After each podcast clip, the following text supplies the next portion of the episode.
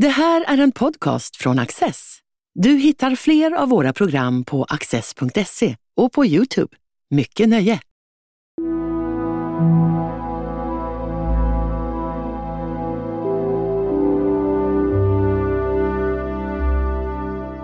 Hej och välkomna till Access kulturgryning. Jag heter Katta Neuding och med mig har jag doktor Greger Sundin. Greger, välkommen hit. Tack så mycket. Idag ska vi som vanligt tala om konsthistoria. Vi har gjort ett program tidigare om den italienska renässansen som ju var en viktig milstolpe i konsthistorien. Men när man talar om den perioden så är det lätt att glömma bort resten av Europa och världen. Därför ska vi idag prata om vad som hände norr om Alperna efter medeltiden. Greger, du är doktor i konstvetenskap och antikvarie på Uppsala universitets konstsamlingar. Du disputerade också nyligen med en avhandling som heter A Matter of Amusement. Vill du berätta lite för oss om din avhandling? Ja, det kan jag göra. Det är alltså en, en avhandling som handlar om tidemoderna spel kan man säga. Brädspel och kortspel och tärningar och allt sånt som fanns till ganska stor del i konstkammare och konstkammarsamlingar. Alltså förstligt samlande under 15-1600-tal här i, i den här tyskspråkiga kultursfären som vi kommer lite, ja, som vi hamnar i idag. Det är ett väldigt brett ämne. Så att det, det, det, jag tittade närmare på var hur de här, den här kategorin av spel och så gestaltade sig hos eh, Philip Heinhofer. Och hans konstskåp, som var en typ av, av konstkammare i miniatyr kan man säga, varav det allra finaste exemplaret som finns bevarat av den här typen av konstskåp eh, har vi här i Sverige och i Uppsala universitets samlingar, passande nog.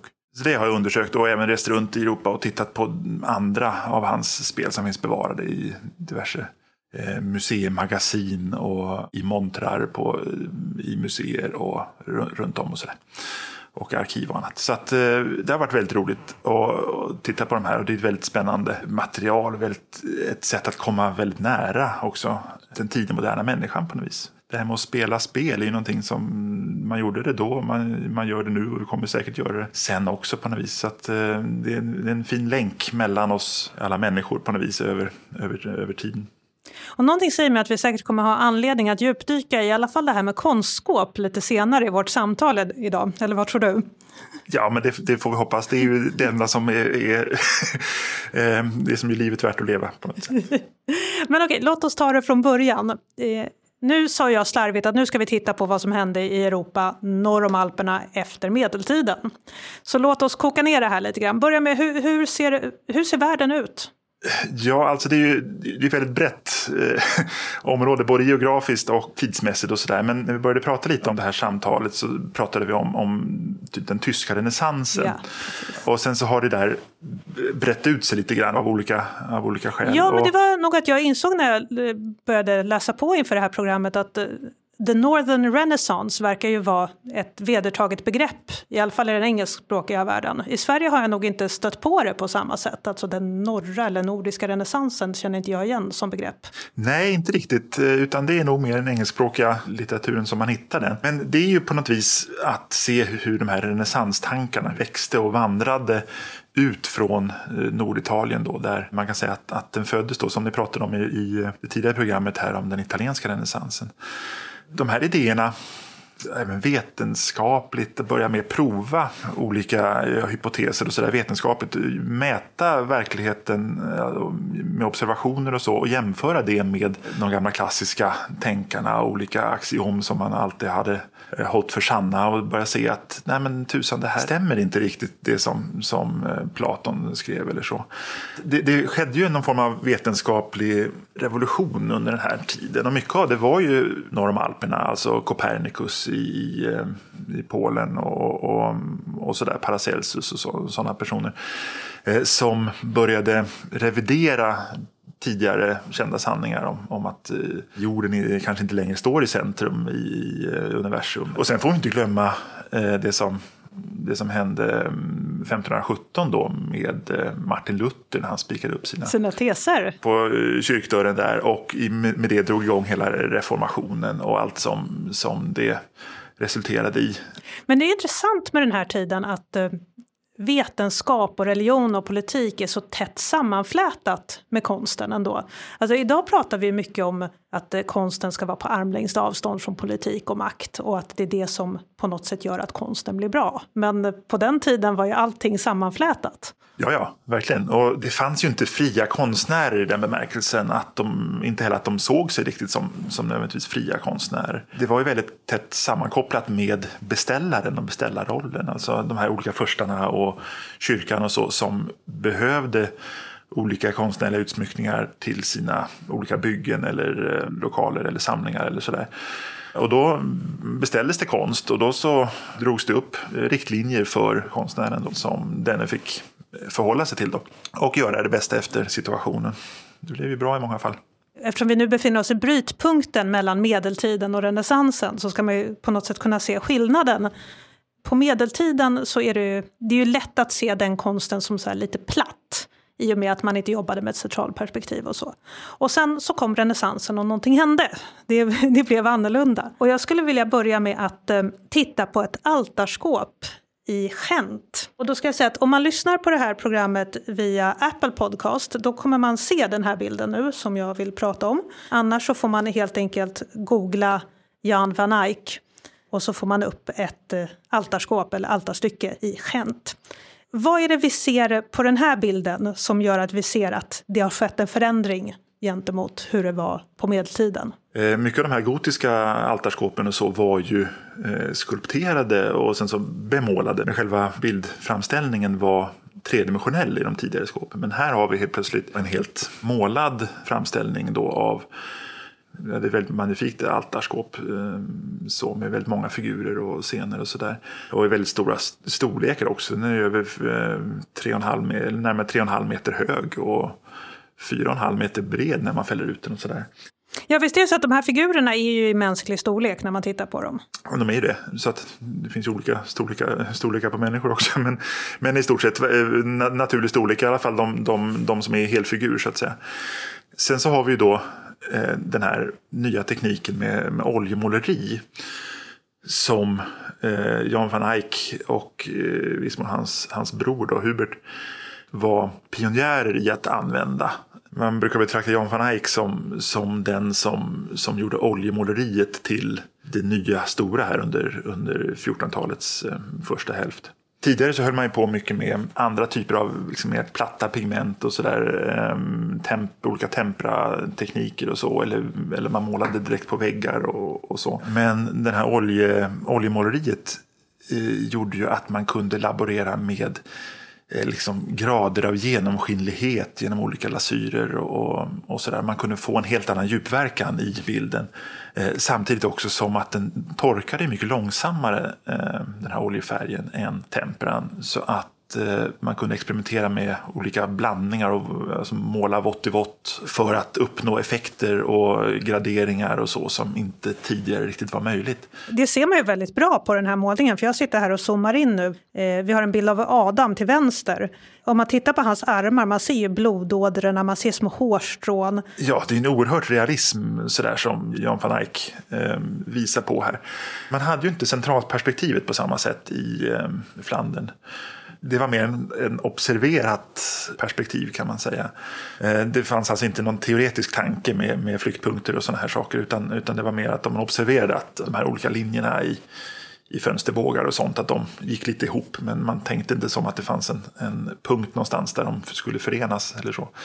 Men däremot så, så fanns det en oerhört realism och den här fantastiska skildringen av eh, tygstoffer och, och sånt också som han, som han visar på är ju helt magnifik. Och just att, att det här är då 1430-tal. Så att, eh, tänkte det alltså, det är ju 600 år sedan mer, mer än, mer än så. Och hur han leker med ljuset också. Man får känslan av att den här är tänkt att belysas från ett visst håll. Det kanske den är rent av. För att det är mer ljus på vänster sida av tavlan. Just eh, den här typen av konst som är menat för en specifik plats i ett specifikt rum. Där kan ju konstnären ta hänsyn till det. Alltså, finns det ett fönster uppe till vänster så, så kan och gjorde ofta eh, konstnären så att han tog hänsyn till att det är därifrån ljuset kommer. Så då, då målar han eh, målningen som om att ljuset kom från vänster. Så att, säga, så att målningen blir en del av, av det faktiska, faktiska rummet. Det kanske mest kända verket, vill jag gissa, av eh, Van Eyck är äktenskapet mellan Giovanni Arnolfini och hans fru. Vad är det för, som är, gör den här tavlan speciell? Alltså, ja, det här är en av konsthistoriens mest, mest kända målningar. Det kallas för eh, maken Anofinis trolovning på svenska. Då, men har ju varit lite frågan om, om, nu på senare tid om det verkligen är de som det föreställer. För den är Arnolfini, Giovanni di Nicolao Arnolfini, han var italiensk handelsman eh, men var bosatta i Brygge då i, i det nutida Belgien. Nu lite arkivforskning och sådär har börjat mm, titta på att de kanske gifte sig senare än när eh, van Eyck eh, levde och sådana här saker. Så att, eh, men vare sig det är de eller inte så är det ju en, på många sätt en spektakulär tavla. Ja, till att börja med att det är ett profant motiv. Alltså att det inte föreställer något helgon eller något, någon religiös motiv. Och så, utan det här är en verklig person, med, eller två verkliga personer som eh, avbildas i en riktig interiör. För det är ju lätt att glömma bort för den moderna människan att eh, all konst på medeltiden var ju faktiskt kyrklig. Ja, det var väldigt mycket så. Extremt få eh, rena, rent profana motiv sådär. Eh, men här har vi det och då i ett dubbelporträtt. Och förutom då den här extrema detaljrikedomen i, och detaljrealismen som finns då, så har vi också ett annat litet element i det här och det är ju det att i mitten av tavlan, den här lilla runda eh, delen som, som är, om man tittar närmare på den så ser man att det är en spegel och att den här spegeln är lite konvex. Eh, sådär. Och så omges den av, av några små scener av, från Kristi passion, då, passionsberättelsen. Eh, men sen tittar man ännu närmare där i den här spegeln så ser man staffliet där konstnären som håller på att måla just det här porträttet ställt upp målningen på staffliet och målar av det. Så att han har alltså avbildat sig själv under processen av att, att måla den målningen som han avbildar sig själv i. Så att säga. Och det här sättet att bryta fjärde väggen på något vis är ju också absolut första gången som, som eh, det syns.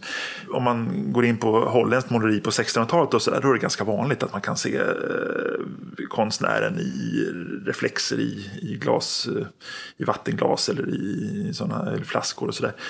Men eh, det här är ju extremt tidigt för detta. Ja, konstnärer som vill föreviga sig själva. Men vänta, nu måste jag ju fråga. Du sätter ju här i deras trolovning. Den här kvinnan ser ju väldigt gravid ut. Ja, det är också en fråga om hon verkligen är det eller om det snarare är någon typ av konvenans för tiden att avbildas på det här viset. Alltså det finns många Maria-avbildningar och så, där man också tycker att han har väldigt framskjuten magparti sådär. Jag tror inte att det eh, nödvändigtvis är så att de skulle vara gravid, för det vore dessutom lite pinsamt inför en, en trolovning. Ja, det är ju ingenting som man vill föreviga då, att titta, vi har brutit mot etiketten och nu ska vi ha med det här i evighet.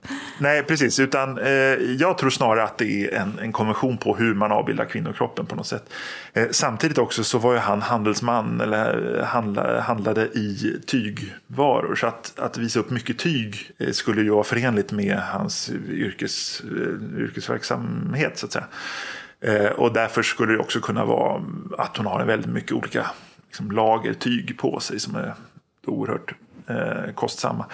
Många av inslagen i den här målningen refererar ju hela tiden till en stor exklusivitet och tydliga tecken på rikedom. så att säga. Som är här. Bara en sån sak som att hennes klänning här i grön är ju ett rikedomstecken just för att den gröna textilfärgningen var en väldigt kostsam process. Och även hans kappa, eller vad man ska kalla det för, är ju också fodrad med, med päls och sådär. Men sen så finns det ju sen små detaljer som de här apelsinerna som ligger till vänster om honom där till exempel. Som absolut inte var någon, någonting som man bara kunde gå och köpa på Ica under 1400-talet.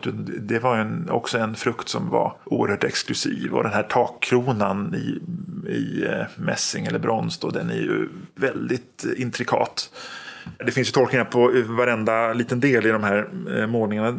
Och det, det är ju också en del i varför den har blivit så känd. Och den här lilla hunden till exempel, med, där man tänker med trohet, alltså Fidelio. Hundnamnet Fido till exempel, som betyder just trohet. Eller sådär. Det finns ett fönster, man ser liksom en glipa ut eh, från det här ganska dunkla rummet. Och, så, och utomhus ser man att eh, det är ett helt annat ljus. Man får så lite känsla av vår där ute på bara en så liten, liten glipa. Det tycker jag är en otroligt härlig detalj i den här målningen. Det har ju tolkats som att det är körsbärsblom som man ser där ute också, de här vita blommorna utanför. Att det skulle på något vis också då symbolisera kärlek och renheten innan syndafallet och sådana här saker. Men hur funkade det? Betyder det här att varje konstnär inte bara behövde behärska hantverket i fullo utan man måste ha blåkoll på alla sådana här symboler? Eller togs de fram i samråd med beställaren eller hur funkade det? konstnären de hade ju en, en eh, intellektuell medvetenhet kring eh, symbolspråk och motivval och sådana här saker. Och var ju väldigt litterata i, i olika bibliska framställningar men även då andra eh, mytologiska delar och sådär så kom så småningom. Så de kunde ju mycket av det här. Men sen så är det klart att beställarna kunde ju ha sina åsikter också om, om vad de ville ha med i sina Eh, verk och sådär. Inte bara när det gäller porträtt utan även andra typer av målningar och framställningar och så. Är det mer eller mindre korrekt att säga att Van Eyck var någon sorts pionjär norr om Alperna vad det gäller just renässansen. Alltså, uppenbarligen fanns det människor omkring honom som han lärde sig ifrån, som han lärde sig tekniken av och sådär som lite grann har fallit i glömska. Men man vill ändå gärna börja med honom på något sätt. Ja, nej men det kan vi väl för enkelhetens skull eh, göra. Det är ändå en så pass betydelsefull person i, inom den konsthistoriska eh, kanon eller vad man ska säga. Nu tänkte jag raskt hoppa över till en helt annan konstnär, den väldigt märkliga mannen Albrecht Dürer. Jag vet faktiskt inte ens i vilken ände man ska börja när man ska börja prata om honom, så vi börjar väl från början. Var, var, bef var befann han sig? Ja, alltså nu är vi eh, på 1400-talets eh, sista eh, kvartal kan man säga. Han är född 1471. Eh, och sen så dog han 1528. Så att han, han spänner över eh, slutet på 1400-talet och, och den första, första 28 åren på, på 1500-talet. Eh, och han kan man säga är den som länkar ihop den italienska konsten med den norra. Han eh, föddes och växte upp i, i eh, Nürnberg i en guldsmedsfamilj. Även om han målade väldigt mycket eh, som oljemåleri så är det ju kanske mest som grafiker han gjorde sitt intryck.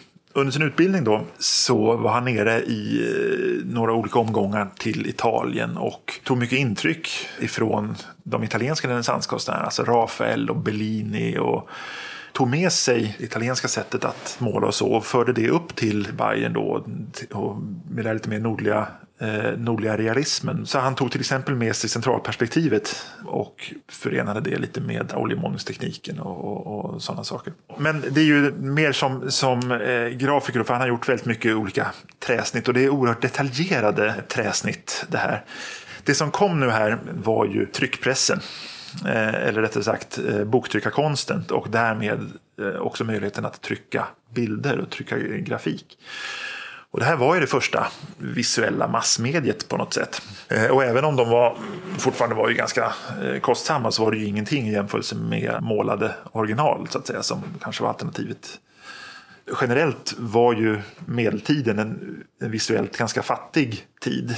En eh, normal människa under medeltiden så var det ganska eh, sällan som man såg bilder överhuvudtaget. Det var ju i princip väggmålningarna i kyrkan och kanske någonting på stadshuset eller något sånt där som man, som man såg. Men i övrigt så, så var det visuellt fattigt. Med de här teknikerna att kunna börja trycka och, och massproducera. Att, att konstnären bara behöver, behövde göra ett original för att kanske kunna trycka hundra eh, avdrag. Så, så blev det en helt annan prisbild på det och därmed kunde bilden demokratiseras på något sätt. Om man vill eh, googla något av hans mest kända träsnitt, vad, vad ska man googla då? Ja, man kan ju titta till exempel på en som heter Melancholia, eller Melancholia 1. Alltså det är ju en väldigt komplex bild det här. Det är i eh, något sånär i mitten. Det finns inte riktigt något centralmotiv sådär. Men i förgrunden i alla fall så har man en eh, tänkande, lite androgyn varelse som, som är bevingad och sitter och med huvudet i stött mot, mot armen och ser väldigt tänkande ut sådär. Och sen så i det här rummet då, det, det är utomhus någonstans. Man ser ett, ett, eh, en byggnad. Sen så är det hela bilden väldigt full av olika symboler. Vi har någon vilande kalv eller vad det kan vara som, som sitter där. Och sen så är det en typ av, av eh, polygon som har en väldigt mystisk eh, geometrisk form. Och sen så finns det olika, det finns eh, alltså olika sfärer och sådär. det här har också gjorts väldigt mycket tolkningar av utifrån olika utgångspunkter om, om eh, att det har att göra med liksom referens till, till, matematik eller eh, geometri och alkemi och, och sådana saker. Men också det här med astrologi och det finns väl ingen de, definitiv eh, tolkning av den.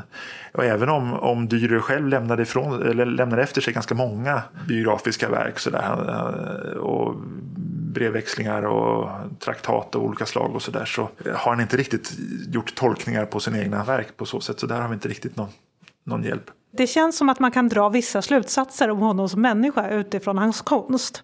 Han har målat väldigt många självporträtt. Det första bevarade verket av honom är väl just ett självporträtt när han var 13 år gammal. Eh, han har målat ett självporträtt på sig själv som Jesus. Men jag ser också hur han framhäver sig själv här med återigen mycket päls. Ja, alltså jag tror han hade ett ganska eh, starkt ego. Eh, så, och eh, man kan väl lite se paralleller kanske med eh, även Rembrandt konstant målade självporträtt under hela sitt, sitt liv. Vi pratade om att de flesta konstnärer målade ju beställningsverk men man har ju lite känslan med Dürer att han målade också mycket sånt som han bara helt enkelt ville. Ja, jo men precis. Och det är klart att kom upp i en viss nivå så, så fanns ju en efterfrågan oberoende av vad, vad det föreställde på ett annat sätt. Vid den här tiden så har inte riktigt marknadsfunktionerna kommit igång på det sätt som de gör under sena 1500-talet och framförallt 1600-talet. Måla på spekulation och sådana saker. Men han är klart en föregångare på, på många sätt.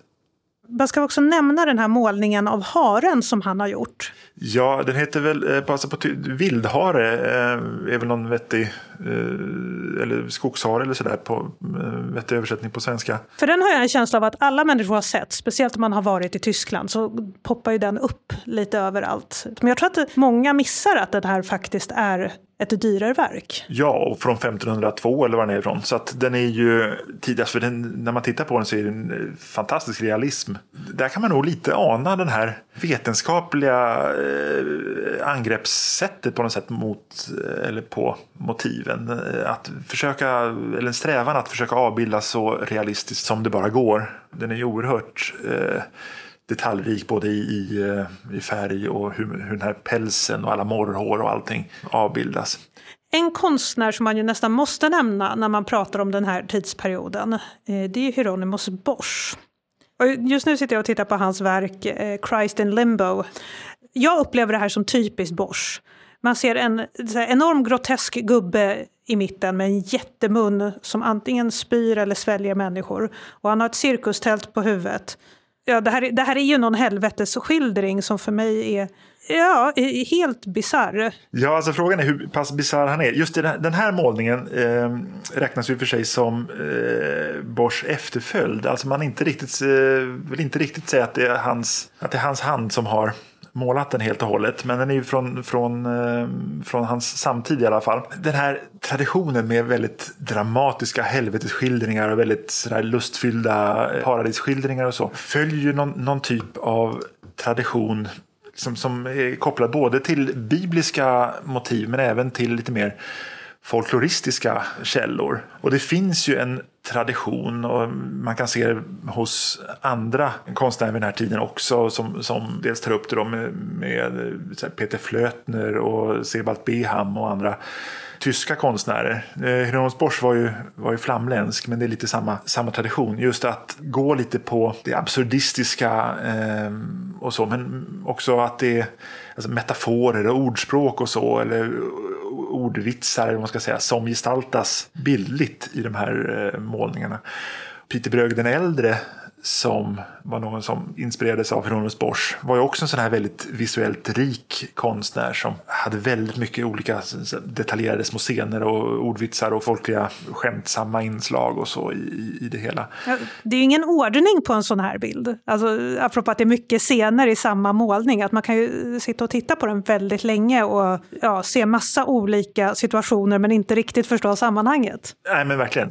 Men det kanske man inte behöver göra? Nej, jag tror inte man behöver det. Utan man kan, man kan se de, de olika delarna lite som små enskilda scener eh, på något vis. Som går samman i någon, i någon typ av större eh, helhet. Som en, en paradisskildring eller en helvetesskildring eller, eller no, någonting sådant. Det är ju väldigt fantasifullt, det får man ju säga. Men, men hur kommer det sig att just han har blivit en sån tydlig figur för den här tiden? Ja, han är väl den mest extrema i alla fall får man väl säga av, eh, av dem. Plus att han är lite mystisk så. Det, vi vet inte så väldigt mycket om honom rent biografiskt. Lite var han var född och, och han, när han dog och lite sådana saker. Men i övrigt så är han ganska hemlighetsfull på något vis som konstnär. Det kanske bidrar till det hela. Men sen så har han ju inspirerat konst eh, ganska långt fram i tiden. Alltså Salvador Dalí till exempel är ju en surrealist som, som han, man märker har dragit mycket inspiration ifrån Hieronymus Bosch till exempel. Det här är lite intressant som jag reagerat på under vårt samtal här. Att eh, apropå brytpunkter mellan medeltiden och renässansen och framtiden. Här ser man ju många tecken på att konstnären som fenomen skapas. Alltså Albrecht Dürer är ju ett tydligt exempel. Han har sin stil, han liksom har hela mytbildningen kring sig själv. Nu ser de Hieronymus Bosch att mycket det att han som konstnär är mystisk påverkar hans konst. Det resonemanget kan man ju inte föra på någon medeltida konstnär för man vet i princip ingenting om konstnärerna bara. Nej, alltså precis. I Sverige kan man i och för sig prata om Albertus Pictor och, och, och, lite sånt och hans eh, bildvärld. Men han gjorde det inte kanske i, i någon form av, av eh, någon egocentrisk egenskap nödvändigtvis. Ja, hans, hans eh, målningar finns ju kvar i kyrkor till exempel om man vill se ja, dem. Men precis. Och så. Nej, men det är ju vid den här tiden som, som, konstnären, som konstnären som subjekt börjar bildas eh, på något vis. Nu ska vi hoppa vidare till, som vi var inne på i början av programmet, den här tydliga sammanflätningen mellan vetenskap och konst. Och i den sammanflätningen, där i mitten har vi ju de här konstkamrarna och kabinettskåpen som du har tittat så mycket på. Vi kan ju börja lite i Italien igen då som vi eh, tenderar att göra när det gäller eh, den här tiden. För att det är liksom lite där det, eh, som ursprunget är. Och där fanns det ju de här studiekamrarna som vetenskaps, olika typer av vetenskapsmän eller humanister och så hade. I den här ambitionen att försöka förstå världen så samlade de på sig många föremål. För att avbildningar var inte riktigt någonting som fanns vid den här tiden. Utan det lättaste sättet att göra sina undersökningar var att titta på, på verkligheten, titta på naturen och, och så. Allt fanns ju inte i den absoluta närheten utan eh, nu när vi hade börjat eh, resa så eh, kom det ju till Europa en helt ny värld av föremål och natur, så att säga. Nya djurarter och nya mineraler och, och, och allt sådant som man inte kände till sedan tidigare. Eh, och det där ville man ju samla på sig och ha, undersöka och försöka förstå och klassificera och, och sådär när de där samlingarna började bygga på lite så började det bli mer och mer av små liksom, privata museer. Eh, och från början så var det ju mest relaterat till naturen, alltså naturaliekabinett. Men ju mer tiden gick och vi började komma in på 1500-talet och det började flytta ut från Italien och norr om Alperna och, och så, så började det också komma till andra saker som man ville ha i de här vetenskapliga instrument, om ja, musikinstrument och, och religiösa olika reliker och, och, skulpturer och konstverk och medaljer och mynt och sånt. Och det där blev ju någonting som var verkligen på modet under 1500-talet mer och mer och sen så in på, på 1600-talet också.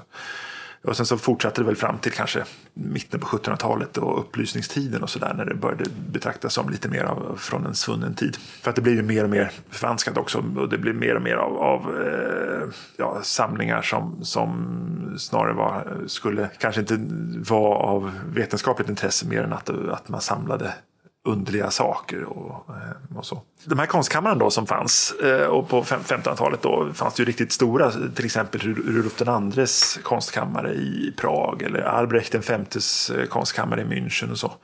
De här var ju jättestora, det var ju hela våningsplan eh, som samlade föremål. Det var flera tusen, flera tusen objekt som, som visades upp i olika skåp och sådär. Eh, och på bord och, och, allt sånt.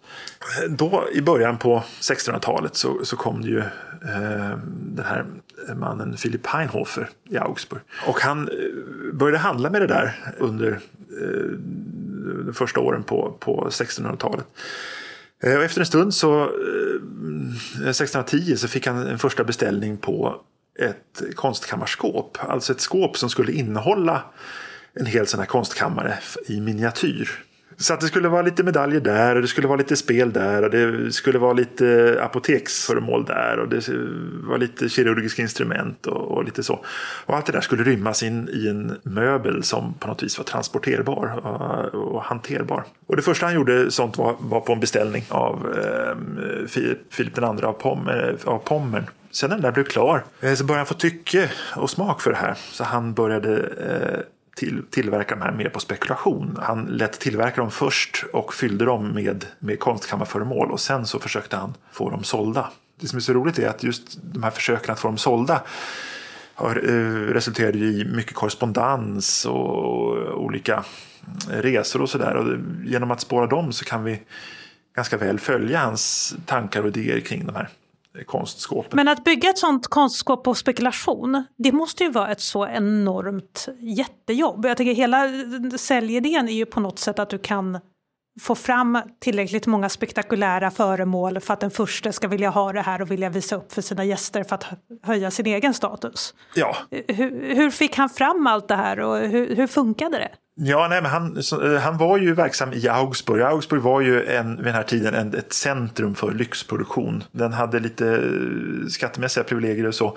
Plus att den låg precis i ja, mitten av Europa med, med eh, en ganska kort, kort sträcka ner till Venedig över Brännepasset föremål som kom in den vägen så att säga, från, från Levanten och österifrån. Men också eh, de här familjerna som oerhört rika eh, familjerna Fugger och Welser och andra som, som var verksamma i Augsburg. De hade ju mycket kolonialhandel också som gjorde att, att det kom in föremål från världen in till Augsburg.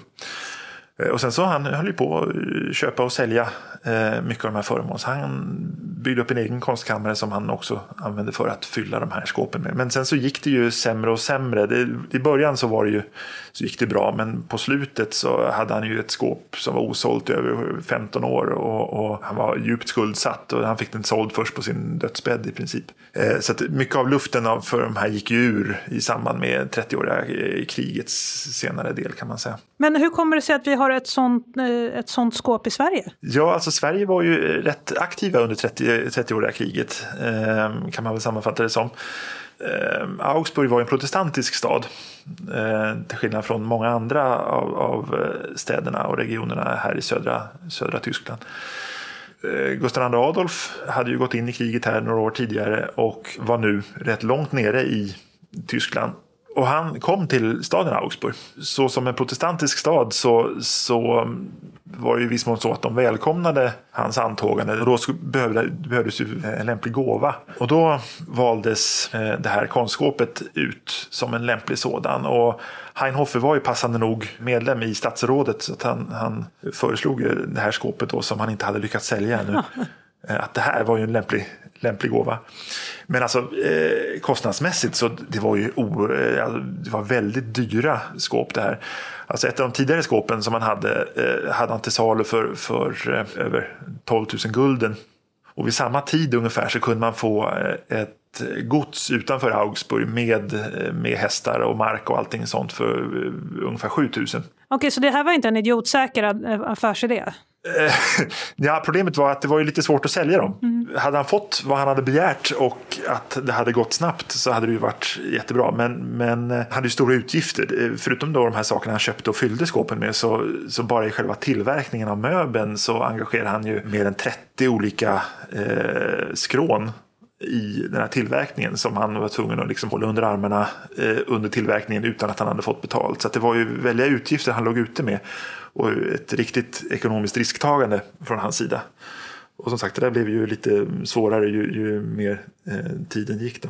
Gustav II Adolf han fick ju sitt skåp av staden presenterat för sig i april 32. Och sen så kom han tillbaka i juni och fick en lite längre genomgång över allt vad det innehöll eh, av eh, Heinhofer själv. Så att i två dagar så gick de igenom allting. Och sen så eh, for kungen iväg igen och sen så gick det som det gick där en, en eh, dimmig dag i november. Och, men då var skåpet redan på väg till Sverige och kom då till Sverige 1633 och sen så var det i den privatkunglig kunglig ägo eh, fram till 1694 då eh, Karl XI skänkte det till Uppsala universitet. För då hade den varit i Uppsala under några decennier där på Uppsala slott. Och sen dess har det varit i, i universitetets ägo. Då. Och vad kan man se i det här skåpet? Det är elfenbensskulpturer och det är avgjutna ödlor i bly och det är medaljer och det är Eh, lite spikar naturligtvis från Jesu kors. Och det är, ja, många spikar på det eh, korset. ja, eh, men även också då spel och tidsfördriv av olika slag. Alltså det är lite schackbräden och, och dambräden och kortlekar och, och, och, annat. Bland annat så har ju Linné tagit och eh, katalogiserat mineralsamlingen i skåpet på 1750-talet. Det finns ju väldigt många ändå som har överlevt som fortfarande finns kvar än idag. Det är jättemånga som har blivit museer. Eh, och reser man runt i Europa så kan man ju besöka hus eh, där folk har bott som har haft sådana här konstsamlingar som man kan titta på. Har du något speciellt som du rekommenderar som är, som är rolig när pandemin är över och vi kan resa igen? En av de främsta är ju den som finns i Wien på konsthistoriskt museum. Och det är ju eh, lite resterna av eh, Rudolf den andres eh, konstsamling som har hamnat där. Eh, så det är jättefint. Eh, men även eh, Grünes Gewölbe i Dresden är en jättefin konstkammarsamling. Och vad kan man se för spektakulärt där? Det finns en annan möbel som, som inte är helt hundraprocentigt av Heinhofer men den är väldigt mycket hans art i alla fall som är en typ av bord. Man kan hitta en litet eh, klaviatur i det där bordet och det finns eh, olika eh, även spel där och så också. Och någon liten pall och lite stegar och sådär. Men, men framförallt så finns det ju mycket i, i halvädelstenar och guld och, och, och silver och elfenben. Och... Jag tycker att de där samlingarna, samlingarna har ju alltid en blåsfisk. Ja, jo men det, alltså blåsfisk ska man ha. Och där, eh, tittar vi i Sverige så har vi ju, det är inte riktigt en konstkammare kanske den bemärkelsen, men då har vi Skokloster. Där finns det en blåsfisk. Och, och, är man i södra Sverige så kan man ju eh, sticka över till eh, Köpenhamn och gå på Rosenborg till exempel, som är också en fantastisk... De har också en blåsfisk? Ja, och lite silvermöbler och lite annat. Alltså det, mm, sådär.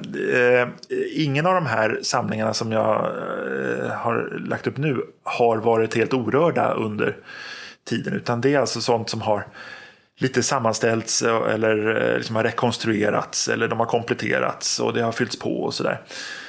Europas historia har ju varit ganska eh, dramatisk. Eh, så att många av de här samlingarna man kan se idag har ju då inte varit orörda. Men däremot det vi har då i konstskåpet här i Uppsala har ju i princip varit orört sen, sen det skapades, 1632. Eh, så det är ett, eh, eh, ja, ett unikt sätt att få en inblick i rakt ner i, i, i senrenässansens konstkammartänk vad gäller innehåll men även då fysiska för, faktiska föremål. Det är charmerande det här för att när man går in i en konstkammare eller tittar i sådana här kabinettskåp så ser man ju väldigt mycket som man så här småskrattar lite åt att ho, ho, ho, tyckte de det här var så spektakulärt. Man måste säga att det finns ju något djupt naturligt i det här att samla på spektakulära saker som man vill visa upp. Ja. Att det, det, måste, det måste ju människor ha gjort i alla tider och fortfarande göra. Ja men verkligen.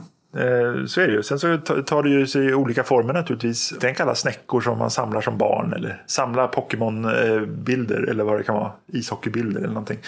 Där finns det ju en, redan en tanke vid produktionen att, att det här ska samlas eh, och så. Vilket kanske jag tycker är lite charmlöst till skillnad från att samla saker som inte var menade att samla från början kanske. Det är ju en glädje i samlandet på något vis och en stolthet i att titta vad jag har hittat. Just kabinettskåpen och Wunderkammer kanske inte påverkades så mycket av reformationen när den kom. Men konstvärlden måste ju ha påverkats av reformationen. Ja, verkligen. Och eh, det lättaste sättet man kan titta på det är ju kyrkointeriörer till att börja med. Framförallt i, i Holland och sådär där det var mer kalvinistiska undertoner och, och sådär. Eh, där all konstnärlig dekor i princip skulle, skulle försvinna man kan väl på något vis se då en, en kärvare typ av, av konst eh, gjorde sitt inträde. Alltså, om man tänker italienska renässansen var ju visuellt oerhört rik. Alltså den var rik på färg och form och allting. Sen alltså protestantisk konst på, på och protestantiska kyrkorum och, och sådär var ju sparsmakad.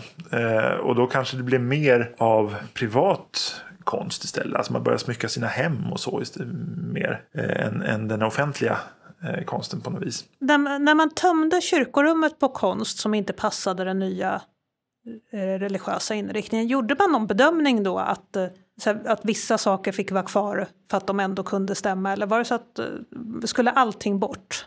Ja, det är väl olika. Alltså, eh, det enklaste sättet var att måla över och bara vitkalka väggmålningar till exempel. Och, eh, och så. Men det finns ju exempel på, på kyrkor där som har överlevt och inte blivit överkalkade. Och så där. Eh, även i Sverige. På 1900-talet har man ju ofta tagit fram de överkalkade också. Men, men det finns ju eh, exempel på. Och, och, ibland så har ju överkalkningen snarare varit bevarande i vägen på ett annat sätt än, än vad som hade gjort om de hade varit framme och utsatta för ja, solljus och, och rök och, och eh, sot och allt vad det kan vara. Frågan som jag ställer hela tiden i den här samtalsserien som jag gör om konst är ju Vad är det som i slutändan gör bra konst? Vad gjorde konsten bäst vid den här tiden? ja, alltså bäst. Alltså, det, det, som finns är ju en ja, alltså hant, hantverksskicklighet. Alltså att, eh, att kunna någorlunda realistiskt gestalta hud till exempel vad gäller, vad gäller porträtt. Eller just med, när perspektiven börjar komma in och centralperspektiv och så. Att, att tvådimensionellt visualisera ett, en, ett tredimensionellt rum övertygande vis.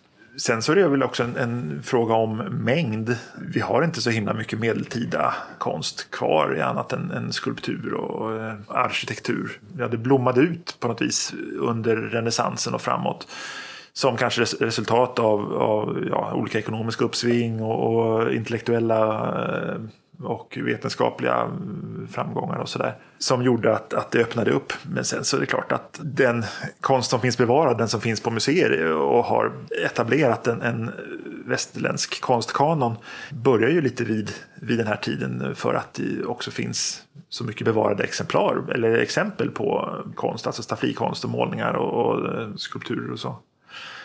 Det vi ser som bra konst, eller att, att vår definition av bra är det vi har eh, sett ifrån den här tiden på något vis. Så, så att frågan är vad som är hönan och ägget i, i eh, kvalitetssäkringen av den här, eller kvalitetsbenämningen av den här konsten. Ja, det är ju ett ämne som vi skulle kunna sitta här och dryfta väldigt länge. Men jag tror att vi avrundar här helt enkelt. Greger Sundin, stort tack för att du kom hit. Ja, tack för att jag fick komma. Det var väldigt trevligt detta. Och stort tack för att ni har lyssnat.